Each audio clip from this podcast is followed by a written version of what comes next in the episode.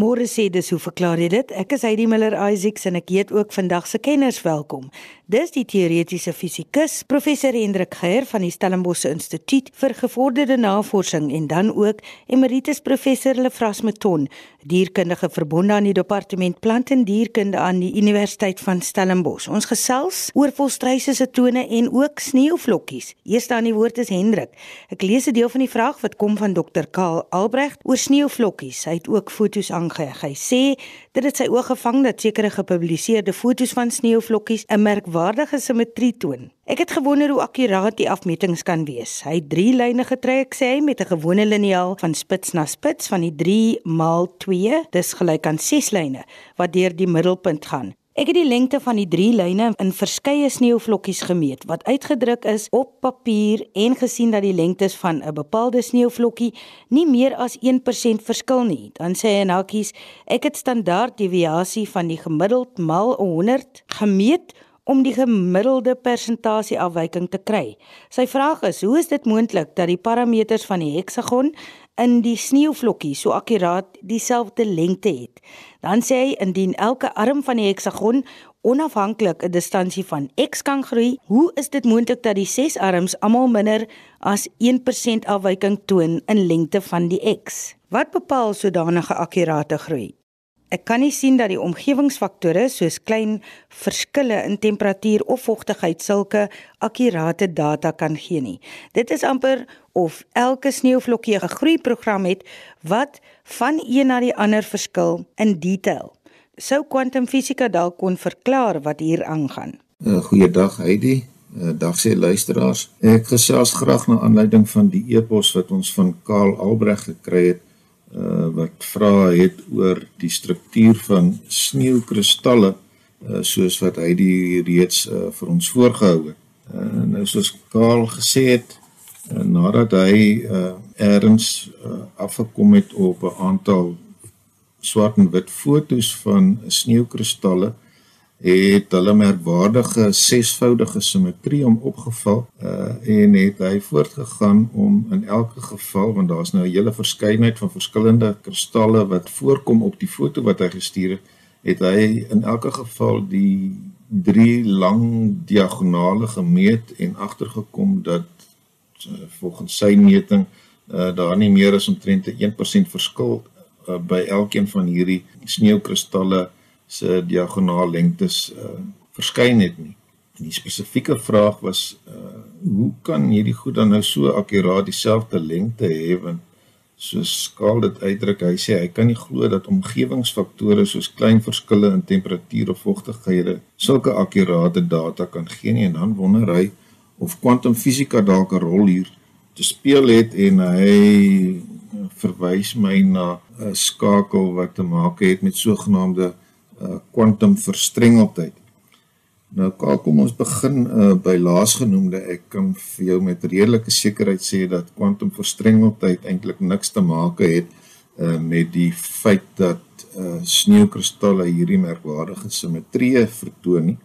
En om nou net terug te kom by jou eie metings, as 'n mens net na 'n gewone seskant of heksagon kyk, uh, dan kan 'n mens natuurlik drie lang diagonale deur die middelpunt trek. Uh, vir 'n gekonstrueerde seskant sal hulle identies in lengte wees en wat jy nou agtergekom het is dat by sneeukristalle uh dieselfde toedrag van sake daar is.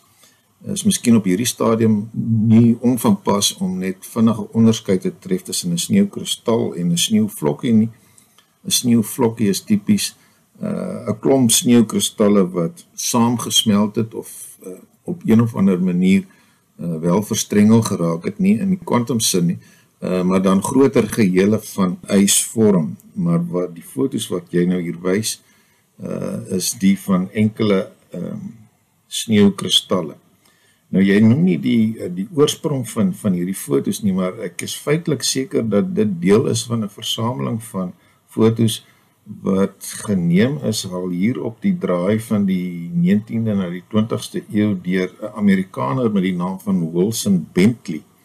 Ehm um, hy het so obsessie met met sneeukristalle en sneeuvlokkies gehad dat hy die bynaam Snowflake Bentley gekry het en sy Sy belangstelling het skynbaar begin uit in Vermont groot groot geword. Skynbaar uh, het hy tuiskoolopleiding ontvang en onder andere het hy kans gehad om met 'n mikroskoop wat sy ma besit het uh na dinge te kyk en van die goed wat hom toe begin interesseer het was sneeukristalle. Ek neem aan Vermont is 'n goeie plek as 'n mens so 'n studie wil wil begin onderneem. Hoe ook al, hy het uiteindelik met die relatief primitiewe tegnologie van die tyd daarin geslaag om hierdie merkwaardige fotos van ys of sneeukristalle te neem. Klaarblyklik uiteindelik omtrent uh, van die orde van 5000 of meer van hierdie fotos gepubliseer en baie van hulle is deesdae in 'n aanlyn argief selfs beskikbaar.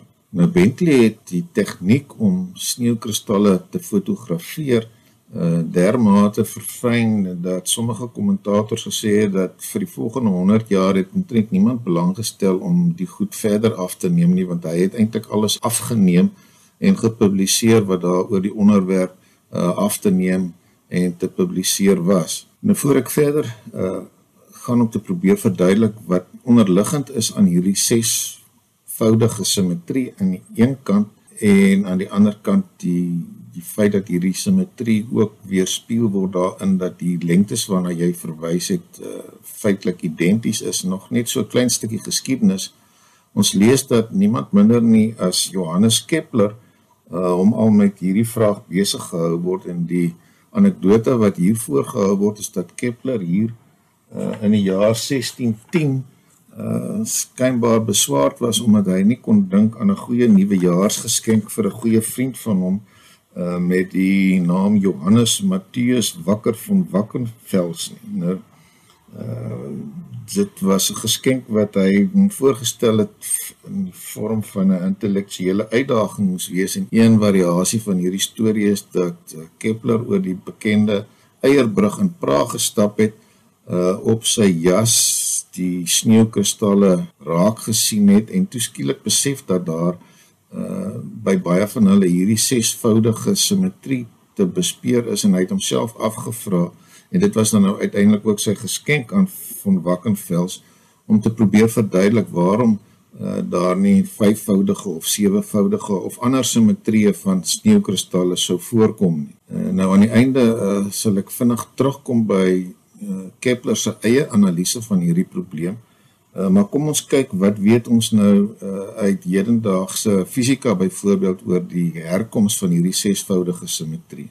Nou sesvoudige simmetrie kom reeds in gewone yskristalle voor en kan teruggevoer word na die struktuur van 'n watermolekuule.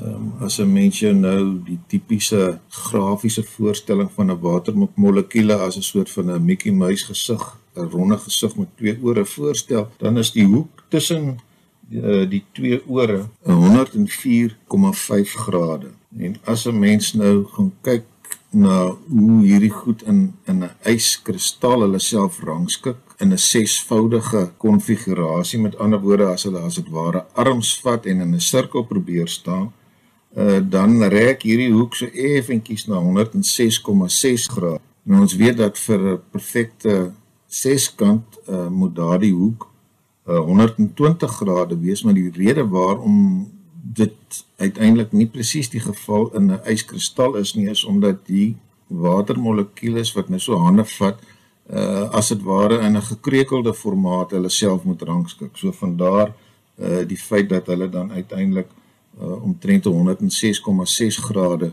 uh, relatief tot mekaar geposisioneer is.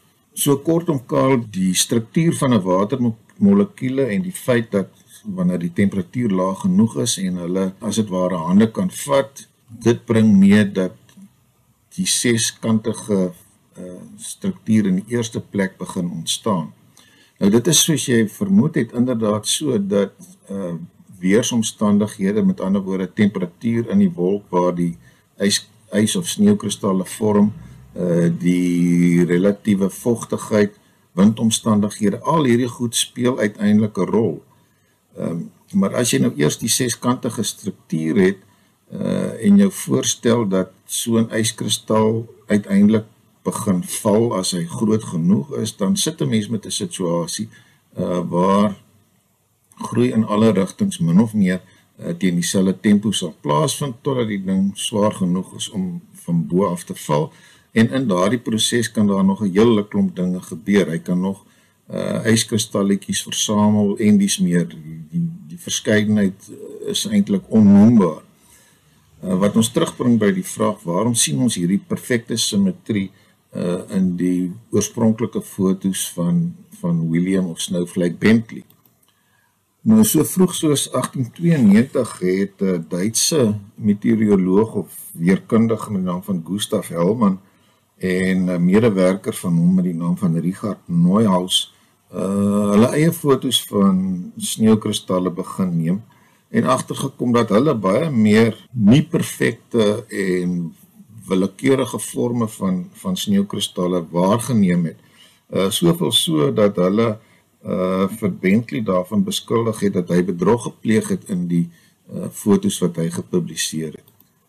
Nou dit is so dat Bentley se fotos is soos die fotos van daardie tyd met hy 'n negatief op 'n glasplaat gehad en hy kon uiteindelik 'n foto maak deur op daardie glasplaat die kontras te verhoog deur van die uh, swart af te skraap en die vraag was en dit was nou deel van die uh, twis wat hulle gehad het is of hy in hierdie proses van die asimetrie as dit ware weggeskraap of afgeskraap het Nou om agter die kap van die byl te kom, uh, moet 'n mens nou vinnig vorentoe beweeg uh, na hedendaagse tegnologie uh, wat ons bring by ene Ken Liebrecht van die Kaliforniese Instituut vir Tegnologie wat dit ook sy besigheid maak om uh, in diepte studie van van sneeukristalle te doen.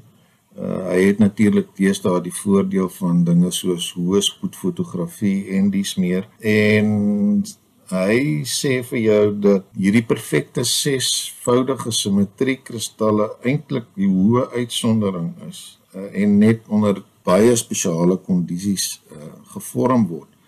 Uh, nou vir die sneeukristalle self is daar in elk geval 'n hele dieretuin van vorms wat al gedokumenteer is. Um, die die mooiste sesvoudige sogenaamde dendriete, dit wil sê die ses speke met fyn uitsteekseltjies is een bekende vorm, dan is daar ander wat um, minder struktuur toon wat genoem word steragtige plate. So daar's in eerste plek groot verskeidenheid van hierdie sesvoudige forme soos ook uh, in die foto wat jy gestuur het ka. Uh, maar Liebrecht se analise of se studies wys uh, dat hulle die groot uitsondering is en hy sê dit moet onder baie spesiale omstandighede gebeur wat hierdie goed uh, vorm. Hy gaan so ver as om te sê dat maar omtrent 1 in 'n 1000 van die kristalle daardie perfekte simmetrie wys wat uh deur onder andere Bentley gepubliseer is. So 'n mens moet tot die slotsom kom dat nommer 1 hierdie sesvoudige simmetrie kristalle inderdaad bestaan uh, dat hulle vorm onder baie spesiale kondisies van temperatuur, vogtigheid en ander invloede dat die sesvoudige simmetrie in die eerste plek te maak het met die struktuur van watermolekules wat hulle self in ringe rangskik wanneer uh, water vries, maar dat nie net uh, die meeste van hierdie goed nie hierdie perfekte simmetrie toon nie, maar dat daar ook uitsonderings op die reël is. So uh, noem Liebrecht byvoorbeeld dat daar dinge is soos driehoekige kristalle, uh, 12 kantige uh, sneeukristalle en dies meer. Nou ek het verwys na uh, Kepler se eie analise. Uh, hy het my waarheid te sê 'n boekie van omtrent so 21 bladsye het uh, in sy tyd gepubliseer om hierdie probleem aan te spreek en daar het hy eenvoudige boustene voorgestel as klein balletjies uh, wat hy dan uh, op mekaar gepak het en hy kon al 'n begin maak van 'n argument om toon dat daar so 'n sesvoudige uh, simmetrie uit die stapeling van sulke balletjies na vore sou kom. Om waar te sê dit was destyds uh, 'n baie praktiese probleem naamlik om te vra hoe moet jy uh, 'n uh, hoop sferiese kanonballe rangskik sodat hulle die minste ruimte opneem en Kepler se probleem is van presies dieselfde aard. Nou wat interessant is is dat hy uh, vermoede gehad het dat as 'n mens nou 'n groot houer so kom hulle pak en jy vra hoe moet jy hulle pak sodat jy die grootste moontlike persentasie van daardie volume inneem, het hy vermoed dat twee moontlikhede, die sogenaamde kubiese digpakking en die sogenaamde heksagonale digpakking vir jou die optimum moontlikhede bied. En in elkeen van hierdie gevalle kan 'n mens wiskundig uitwerk dat die persentasie wat jy op hierdie manier uh, in beslag neem, die persentasie van die volume waarin jy pak kan uitgedruk word as pi gedeel deur 3 keer die vierkantswortel van 2, dit wil sê omtrent so 0,74. En hierdie het 'n bekende en belangrike probleem in die wiskunde geword wat bekend staan as Kepler se vermoede. Uh, dit is eers relatief onlangs finaal bewys so onlangs soos uh, 2017 deur Thomas Hales uh, wat gebou het op 'n uh, stuk werk wat in bewys gelewer het wat gebaseer was op wat genoem word uitputting met ander woorde jy probeer net alle moontlikhede wat daar bestaan lys en analiseer elkeen van hulle en in daardie proses uh het Hales en medewerkers agtergekom dat Kepler se vermoede inderdaad korrek is. Ehm um, hulle het dit verder kon verfyn na 'n sogenaamde formele wiskundige bewys, maar steeds moet hulle gebruik maak van rekenaartegnologie om hierdie bewyse deur te voer. Hales het gereken dat kom ons sê maar 'n pen en papier bewys iemand omtrent 20 jaar sou vat om te doen wat hulle met behulp van uh, programmatuur kon doen. Hoe ook al Kepler se vermoede uh, van digpakking van balle in 'n gegewe houer is uiteindelik in 2017 bewys en hy uh, dit is tog interessant dat dat hierdie probleem teruggevoer kan word na die dag waarop hy gewonder het oor watter uh, geskenk hy vir sy vriend sou gee. So Kaal, ek ek hoop dit werp so 'n bietjie lig op jou vraag oor hoekom die gepubliseerde fotos hierdie merkwaardige simmetrie wys wat ek net weer kan bevestig is dat kwantum uh, verstrengeldheid uh, geen rol hier speel nie. Dankie Hendrik. Dis hoe verklaar jy dit wanneer jy luister? Ek lees 'n brief van Gideon van Sail van Uitenhage voor na aanleiding van ons gesprek oor loopvoëls en hy skryf as volg: Soos ek verstaan het, volstryse net twee tone aan elke voet. Wat sou die rede hiervoor wees? Het ander loopvoëls soos die emus en die rias ook net twee tone. Môre Heidi en luisteraars, Gideon, jy is reg, volstryse het net twee tone aan elke voet, terwyl die oorgrootste meerderheid voëls natuurlik vier tone aan elke voet het, tipies met drie tone wat vorentoe wys en een agtertoe. Voor ons 'n verklaring probeer gee vir die volstryse twee tone, kom ons gee net eers 'n bietjie agtergrondinligting oor die voete en bene van voëls in die algemeen. Voëls stam uit 'n groep dinosourusse wat vier tone aan hulle agtervoete gehad het en die vier tone per voet is dus die oorspronklike toestand vir voëls. Die na agter gerigte toon, bekend as die hallux, is homoloog met die mens se groot toon. Die vyfde toon homoloog met die mens se klein toontjie, dit is die toon wat by alle voëls afwesig is. So ons uh, verwys dus na die toon wat agtertoe wys, die groot toon. Uh dit is toon nommer 1 en dan het ons toon nommer 2, 3 en 4. Dis die drie tone wat vorentoe wys.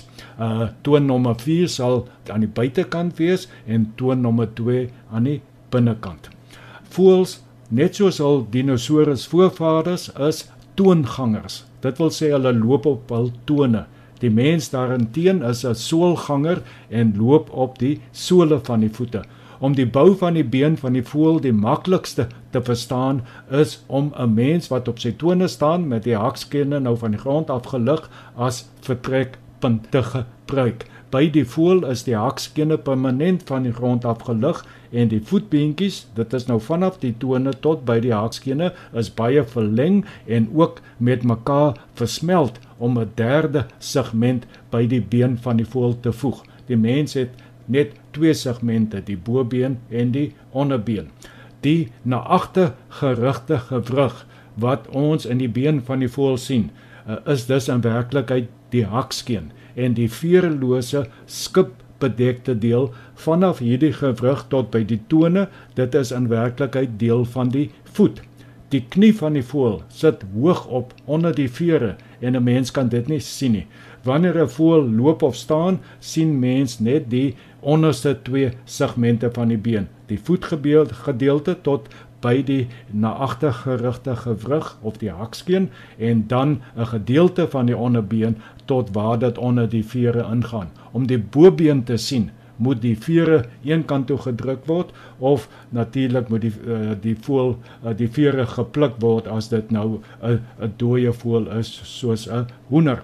Uh, soos ek by 'n vorige program genoem het, is die Afrikaanse benaming van boutjie vir die Engelse uh, naam drumstick as dit is as dit nou by hoenderposies kom 'n ongelukkige een want dit is eintlik die kuitspier van die hoender wat hier te sprake is. Daar is nie 'n probleem met duie of duitjies nie want dit verwys na die bobeen van die hoender, maar hoenderboutjies, ikonne. Dit moet eintlik hoenderkuite wees. Uh hoenderkuite is egter nou nie 'n baie lekker woord nie. Miskien moet ons ook maar praat soos uh na aanleiding van die die Engelse naam drumstick, uh moet ons ook dalk maar praat van tromstokke of trom stokkies as ons uh na die boutjies verwys of die onderbeen verwys. Uh, dit sal nou anglisisme wees, maar dit sal vir my meer aanvaarbaar wees as die anatomies foutiewe benaming van boutjie. Uh daar's natuurlik baie soogdiere wat ook toongangers is en waar die agterste ledemate ook uit 3 segmente bestaan. Goeie voorbeelde wat ons almal ken sou wees honde en katte en ook perde. By al drie sit die knie redelik hoog op by die perd baie hoog op en die hakskene is ver bo die grond gelig. Soveel sodat dit amper lyk soos knieë wat agtertoe buig. Kom ons vergelyk 'n bietjie die bene van die mens en die voël verder in die lig van die feit dat albei tweebenig of tweevoetig is. Dis dit wil sê net op twee bene, naamlik die agterbene loop.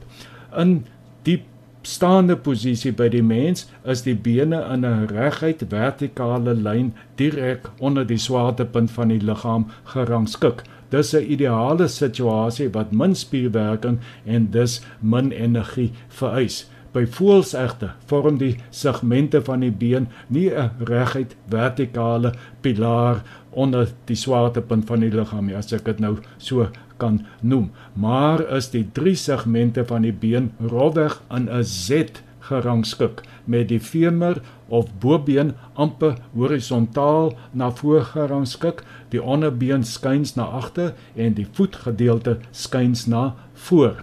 Dit plaas baie spanning op die gewrigte en spierwerking word vereis om hierdie spulletjie dan nou stewig te hou. Dink maar aan al die kragte wat te sake sou wees wanneer 'n skynspilaar 'n gebou moet regop hou.